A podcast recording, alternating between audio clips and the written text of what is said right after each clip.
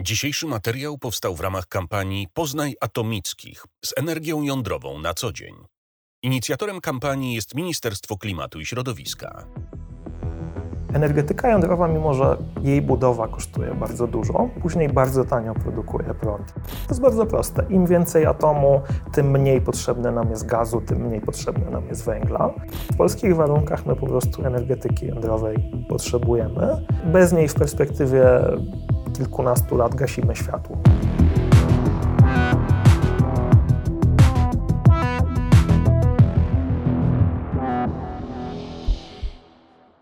E, Maciej, w ostatnim czasie, w ostatnich dniach, tygodniach e, w mediach pojawia się wiele informacji na temat budowy elektrowni jądrowej w Polsce. E, ty tym zagadnieniom przyglądasz się od wielu lat. Wiesz doskonale, że to jest temat, który wywołuje wiele emocji. No a jednak w tak istotnej dla Państwa sprawie ważniejsze od emocji są rzeczowe argumenty. Dlatego cieszę się, że mamy dzisiaj okazję porozmawiać. Ja też się cieszę. Na początek mam dla Ciebie pytanie, które być może y, Cię zaskoczy, ale jest, jest bardzo ważne. Wyobraź sobie taką sytuację, że y, spotykasz sąsiadkę, wchodzicie do windy, y, wiadomo, że spędzicie tam maksymalnie kilkanaście, kilkadziesiąt sekund i sąsiadka pyta, Panie sąsiedzie, czym właściwie Pan się zajmuje? O, trudne się wylosowało. E, ja się zajmuję reaktorami jądrowymi i konkretnie zajmuję się analizami bezpieczeństwa, czyli dbam o to, żeby taki obiekt tego typu mógł pracować bezpiecznie i spełniać swoje funkcje. No, dzieje się to w jedynym polskim reaktorze jądrowym w Polsce, w Marii koło, e, czy właściwie w Otwocku, koło Warszawy. I to jest reaktor badawczy. Tak, to jest reaktor badawczy. My nie produkujemy energii elektrycznej. Yy, produkujemy za to leki używane w terapiach onkologicznych. Tydzień naszej pracy to jest około 100 tysięcy zaopiekowanych pacjentów. Oprócz tego, czy Również e, zajmujemy się oczywiście badaniami naukowymi różnego typu. E, koledzy oznaczali jakiś czas temu wiek kosmosu, wyszło, że ma tyle lat, ile ma mieć. E, badania materiałowe, czyli testujemy różnego rodzaju nowe rzeczy, z których konstruuje się różne rzeczy, między innymi w energetyce. Można robić przeróżne rzeczy, prześwietlać silniki w ruchu, badać sieci krystaliczne, mm. nawet zajmować się archeologią czy, czy malarstwem. Takie rzeczy w naszym reaktorze też się dzieją. Winda dojechała do celu. Wszystko jasne. Zdążyłem. E, no, czyli tak podsumowując, ty jesteś tym facetem, który dba o to, żeby działało i żeby było bezpiecznie. Tak, zgadza się. Dobra. Potrzebujemy atomu w Polsce? Tak, zdecydowanie. No, jeśli chcemy przeprowadzić transformację energetyczną, czyli odejść od spalania paliw kopalnych, po to, żeby nie emitować dwutlenku węgla, ale też również z tego względu, no, że węgiel powoli się w Polsce kończy, Gaz z kolei importujemy wyłącznie z zagranicy. Potrzebny nam jest atom potrzebne są też nam oczywiście odnawialne źródła energii. Mhm. Jakie są najważniejsze argumenty za? Mówi się tak, że geopolityka, e, ekonomia, gospodarka, ale też klimat. Jakbyśmy mogli rozwinąć te, te trzy obszary? To po kolei, no może jeśli chodzi o politykę, to budowa energetyki atomowej w Polsce, energetyki jądrowej, spowoduje, że w dużej mierze będziemy mogli uniezależnić się od importu paliw kopalnych. To jest bardzo proste. Im więcej atomu, tym mniej potrzebne nam jest gazu, tym mniej potrzebne nam jest węgla. Y, klimat z kolei, no energetyka jądrowa nie emituje dwutlenku węgla. W całym cyklu pracy oczywiście troszkę go powstaje, tym niemniej to są poziomy dokładnie takie same jak dla słońca czy, czy dla wiatru. Mhm. Czyli nagle stalibyśmy się e, ekologiczni pod tym względem. Tak, no teraz jesteśmy przeliczając to oczywiście na jednostkę wytworzonej energii, najbrudniejszym krajem w Europie, jeśli chodzi o emisję dwutlenku węgla, budując energetykę atomową i oczywiście nie zapominając o odnawialnych źródłach energii, przy odpowiednio przeprowadzonej transformacji, mhm. no, moglibyśmy stać się jednym z czystszych krajów. Mhm. Y, mówi się też o tym, że no, to jest istotne ze względu na, na gospodarkę, na ekonomię. Dlaczego? Y, Projekt jądrowy w Polsce wygeneruje no, dużo miejsc pracy, dużo nowych kompetencji z sektora wysokich technologii i to mówiąc inaczej, Polsce się opłaci. Tak? To jest oczywiście dosyć duża inwestycja na pewnie kilka procent PKB w perspektywie najbliższych kilkunastu lat. Ale zarówno dla całego kraju, jak i dla regionu, gdzie ta elektrownia pierwsza i później druga powstanie, to są korzyści. Tak? No, chociażby w samej elektrowni pracuje półtora tysiąca, dwa tysiące osób. w dużej mierze to są dokładnie tacy, tacy, sami pracownicy jak w zwykłej elektrowni węglowej. Może to jest troszkę nieintuicyjne, ale wszyscy poza tymi e, inżynierami i inżynierkami, którzy bezpośrednio obsługują reaktor, mają takie same kompetencje jak w zwykłej energetyce. E, natomiast w skali całego kraju, no, do 60% tych bloków jądrowych, które powstaną w Polsce, będzie wykonane w Polsce. Już teraz mamy firmy, ich jest kilkadziesiąt, które na całym świecie i budują, i obsługują, i remontują e, elektrownie jądrowe. Mm. Czymś absolutnie jasnym jest e, to, że to będzie taka inwestycja, która będzie kosztowała no, jakieś niewyobrażalne pieniądze. Ciężko dzisiaj oszacować, ale 200-300 miliardów złotych, coś takiego. Więc e, budżet olbrzymi, oczywiście rozłożony na lata.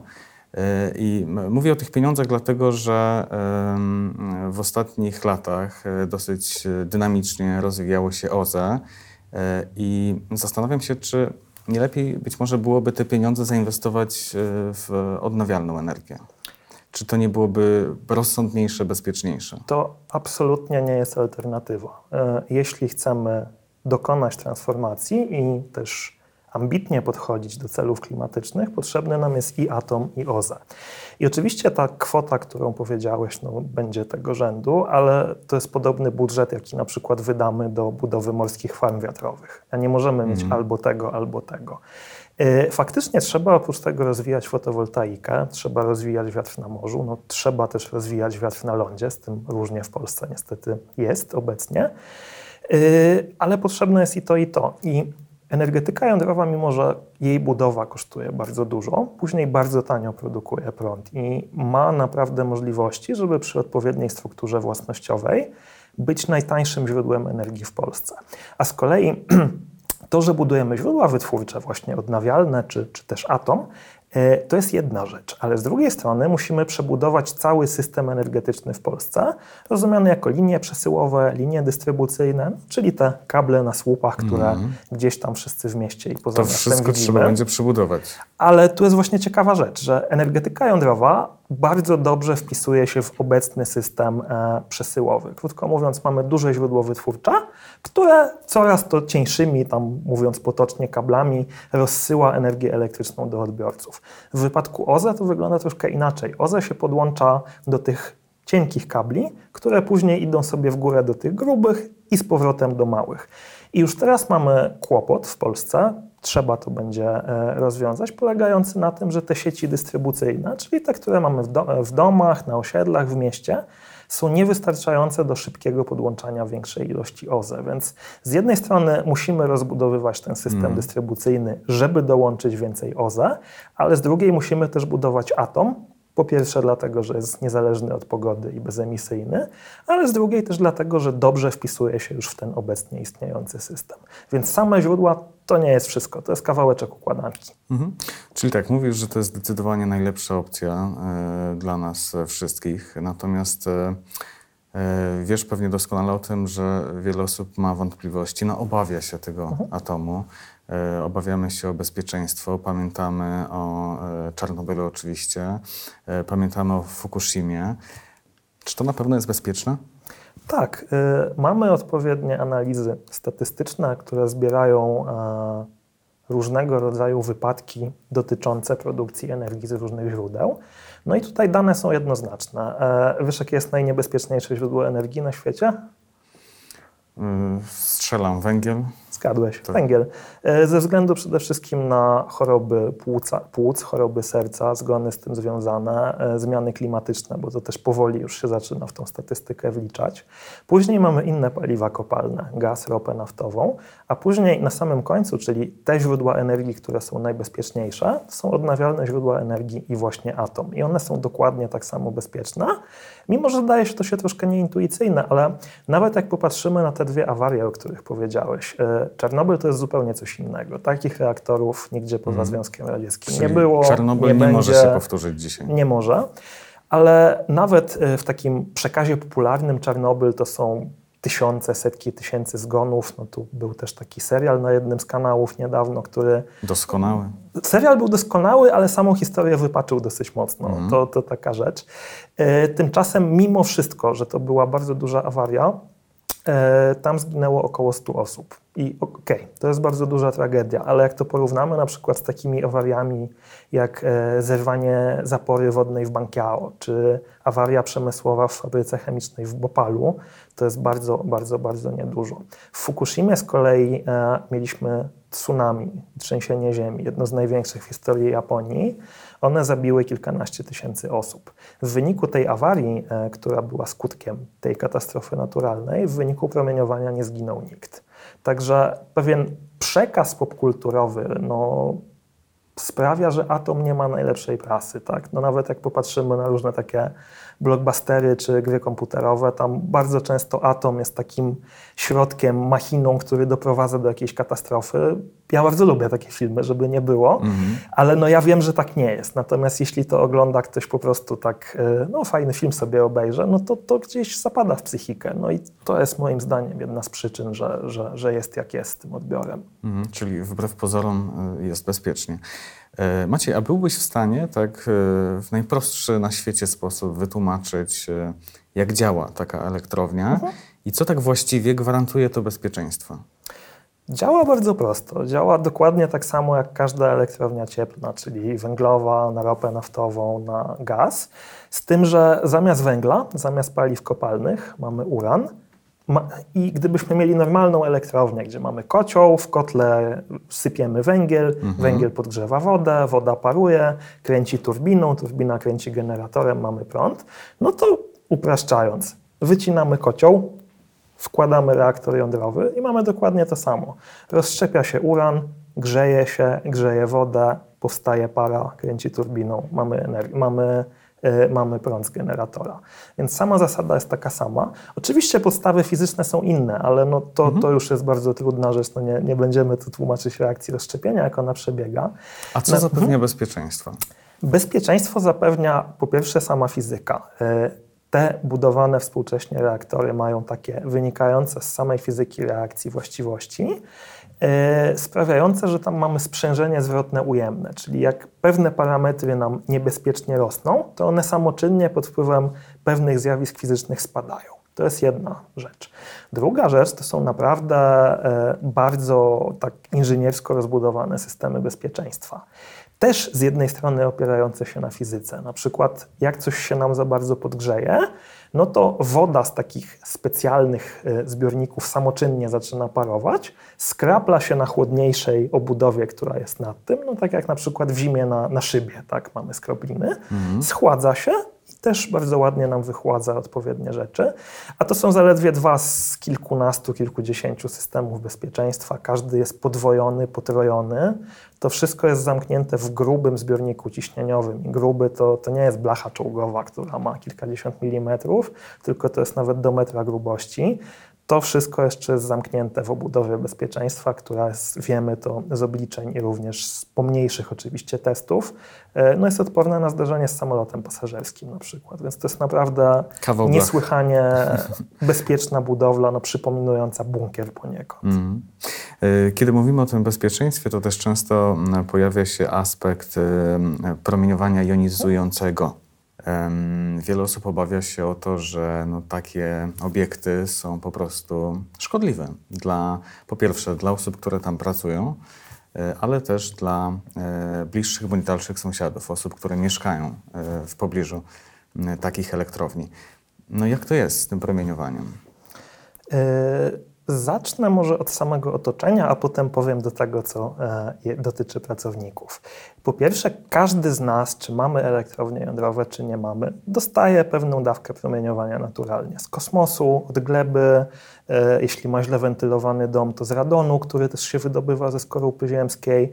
I jeśli mieszkamy w pobliżu takiej elektrowni jądrowej, no, przy płocie powiedzmy, dostajemy dokładnie taką samą dawkę, jakby tej elektrowni nie było. Oczywiście w bardzo czułym przyrządzie pomiarowym tam troszeczkę będzie wyżej, ale to jest dawka odpowiadająca rocznie wycieczce w góry na przykład. I to, to naprawdę jest tak mało. E, więc tu, tu absolutnie żadnej różnicy nie ma. Natomiast jeśli chodzi o pracowników elektrowni, oni mogą dostać troszkę wyższe dawki, ale wiemy, że to jest bezpieczne. To jest ujęte przeróżnymi przyrządami pomiarowymi.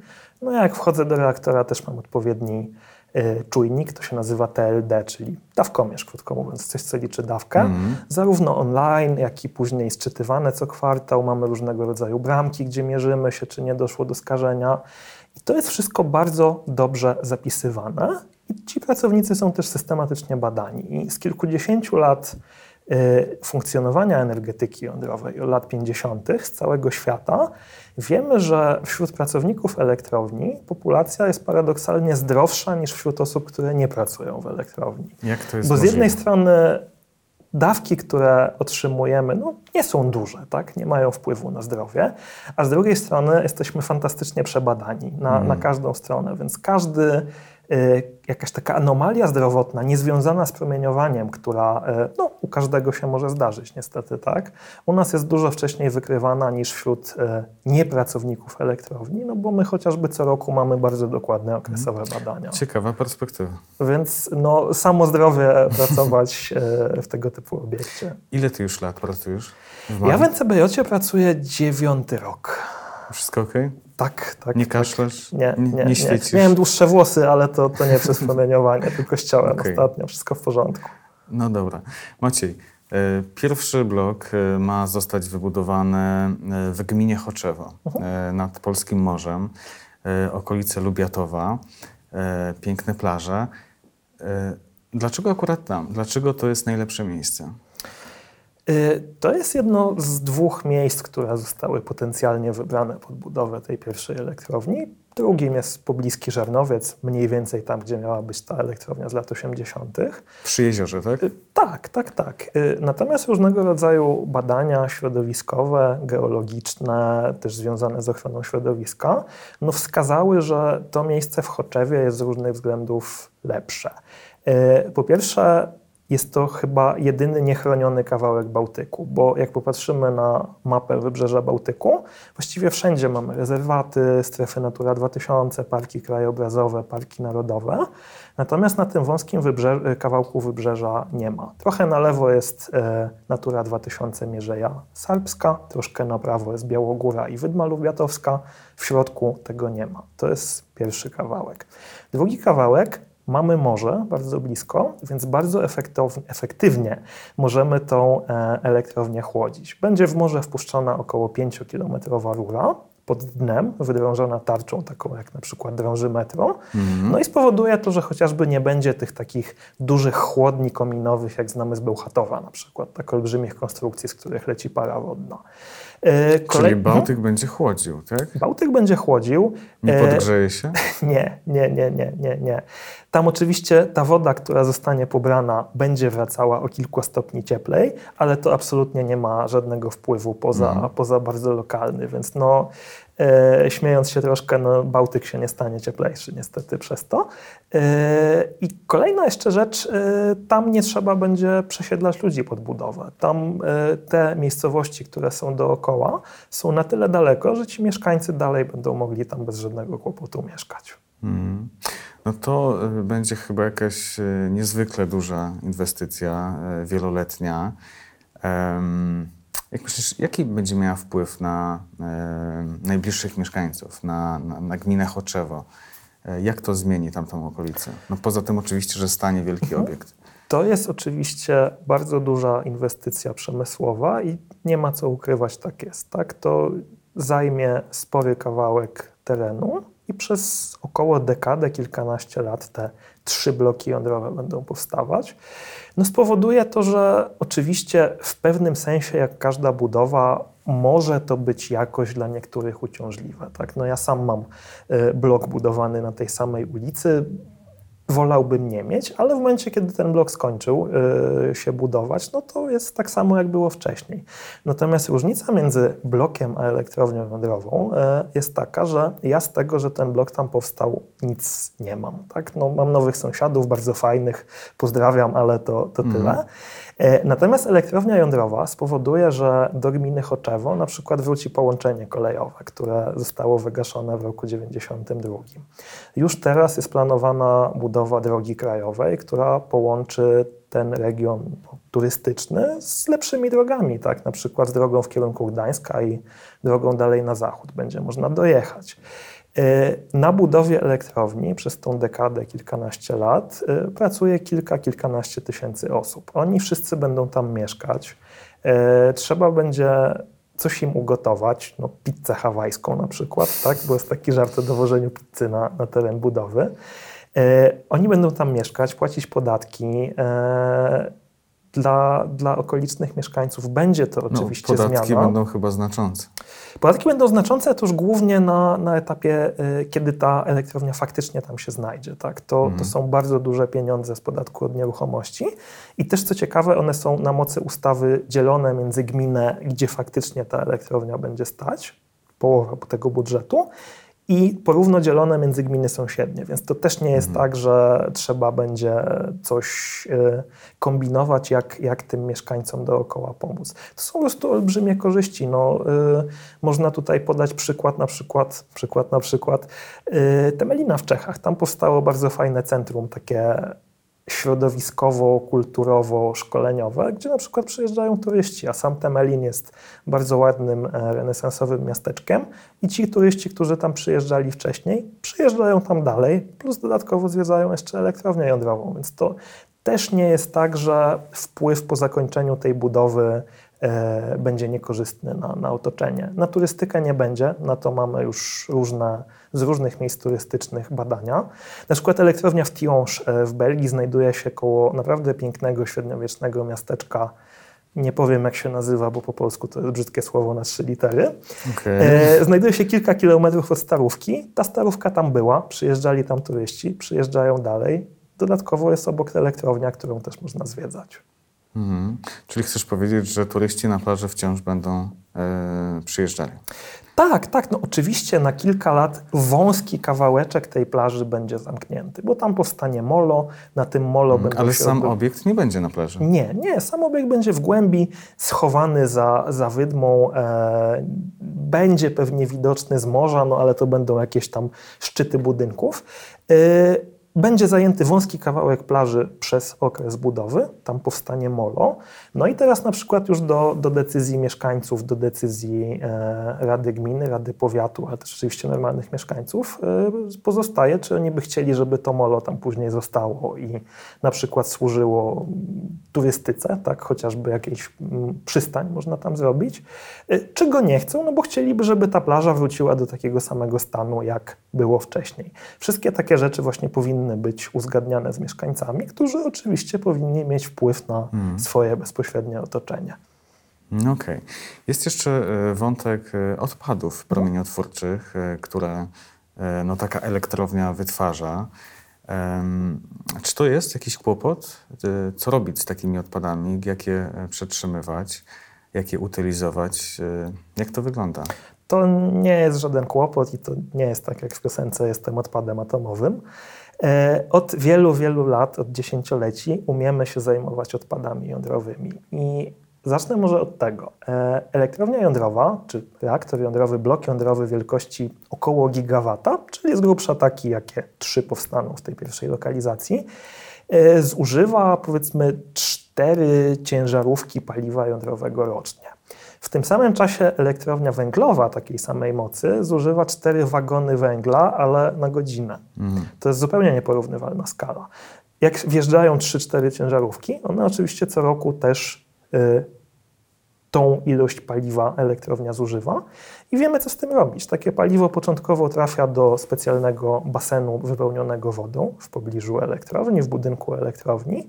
Ono tam sobie bezpiecznie leży przez kilka lat, stygnie, spada w tym czasie jego promieniotwórczość. Później jest przynoszona do tak zwanych suchych przechowalników. To są takie betonowe, duże zbiorniki średnicy powiedzmy 2 metrów, wysokości 3 metrów. Je też się bardzo ładnie magazynuje w odpowiedniej hali na terenie elektrowni. I tak można robić przez bardzo długo i robić to bezpiecznie. Na przykład y, szwajcarska energetyka jądrowa y, wszystkie swoje wysokoaktywne odpady, czyli właśnie wypalone paliwo, no, zgromadziła w jednej hali wielkości no nie, większej niż ta, ale wielkości powiedzmy tego budynku, w którym tutaj jesteśmy, tak? Więc to, to absolutnie nie jest kłopot. Za kilkadziesiąt lat faktycznie będzie musiało powstać jakieś centralne składowisko odpadów gdzieś w Polsce, w bezpiecznym mm. miejscu i tam te odpady zapewne będą mogły trafić. E, takie składowiska są już budowane. E, w Finlandii, w Onkalo, Wojkuloto, przepraszam, składowisko się nazywa Onkalo, już niebawem będzie to ukończone. E, swoją lokalizację wybrali już Szwajcarzy dla swoich miejsc, tak samo Szwedzi, ale to nie jest wszystko, bo my też umiemy to paliwo przetwarzać i mniej więcej 90 parę procent takiego już te, zużytego, te odpady, wypalonego odpady, paliwa, tak? odpadu, mhm. tak, możemy ponownie przerobić na paliwo jądrowe. I to nie mhm. jest jakaś technologia w skali laboratoryjnej, że chcielibyśmy tutaj coś, ale no wychodzi nam tylko na malutkich pastylkach. Nie. Na przykład mniej więcej 20%, e, no dokładnie chyba 17%, e, francuskiego parku jądrowego działa na wypalonym paliwie, wcześniej zużytym w innych francuskich elektrowniach. Więc mamy tutaj nawet no, pewnego rodzaju gospodarkę e, obiegu zamkniętego. Mhm, no ciekawe. A a propos właśnie um, tego zamkniętego obiegu mhm. i, i, samego paliwa, czy, czy nie ma takich obaw, że. No bo to będzie uran, tak? Mhm.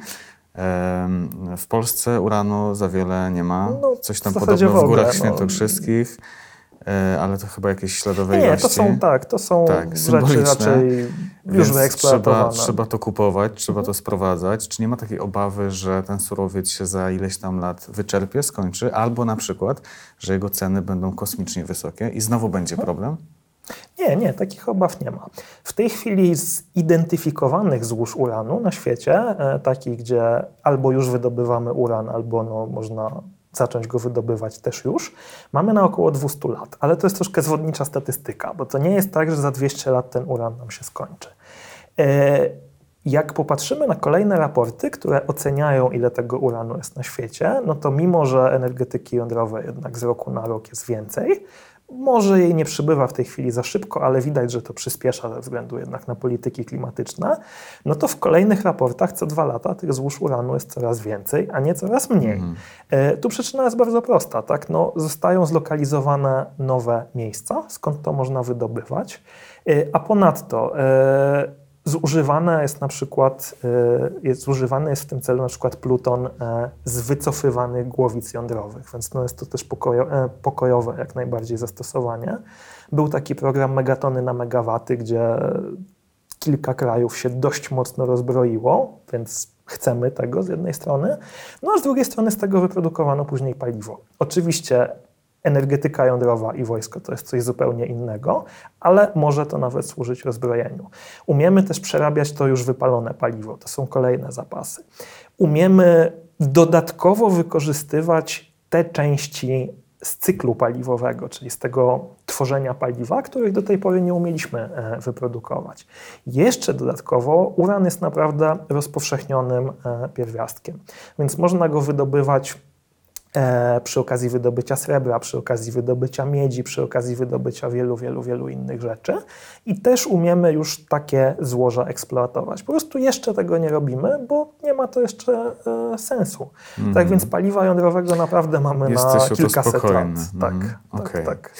E, Maciej, może, no bo zobacz, kolejny argument za, może dostrzegasz jakieś, jakieś argumenty przeciw? Dlaczego nie budować elektrowni jądrowej? Na pewno nie ma argumentów, dlaczego nie budować. W polskich warunkach my po prostu energetyki jądrowej potrzebujemy. Y, bez niej w perspektywie kilkunastu lat gasimy światło. Nie będziemy mieli mocy dyspozycyjnych, czyli takich, którymi możemy sterować, zmniejszać, zwiększać produkcję. Mm.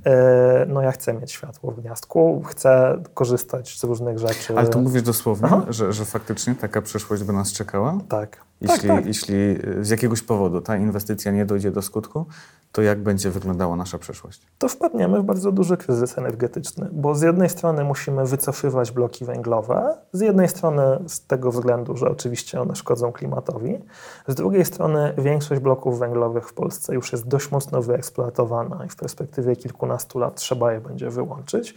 No nie będzie tak, że rozsypią się ze starości, ale zakres remontów już będzie tak duży, że, że to nie będzie miało sensu.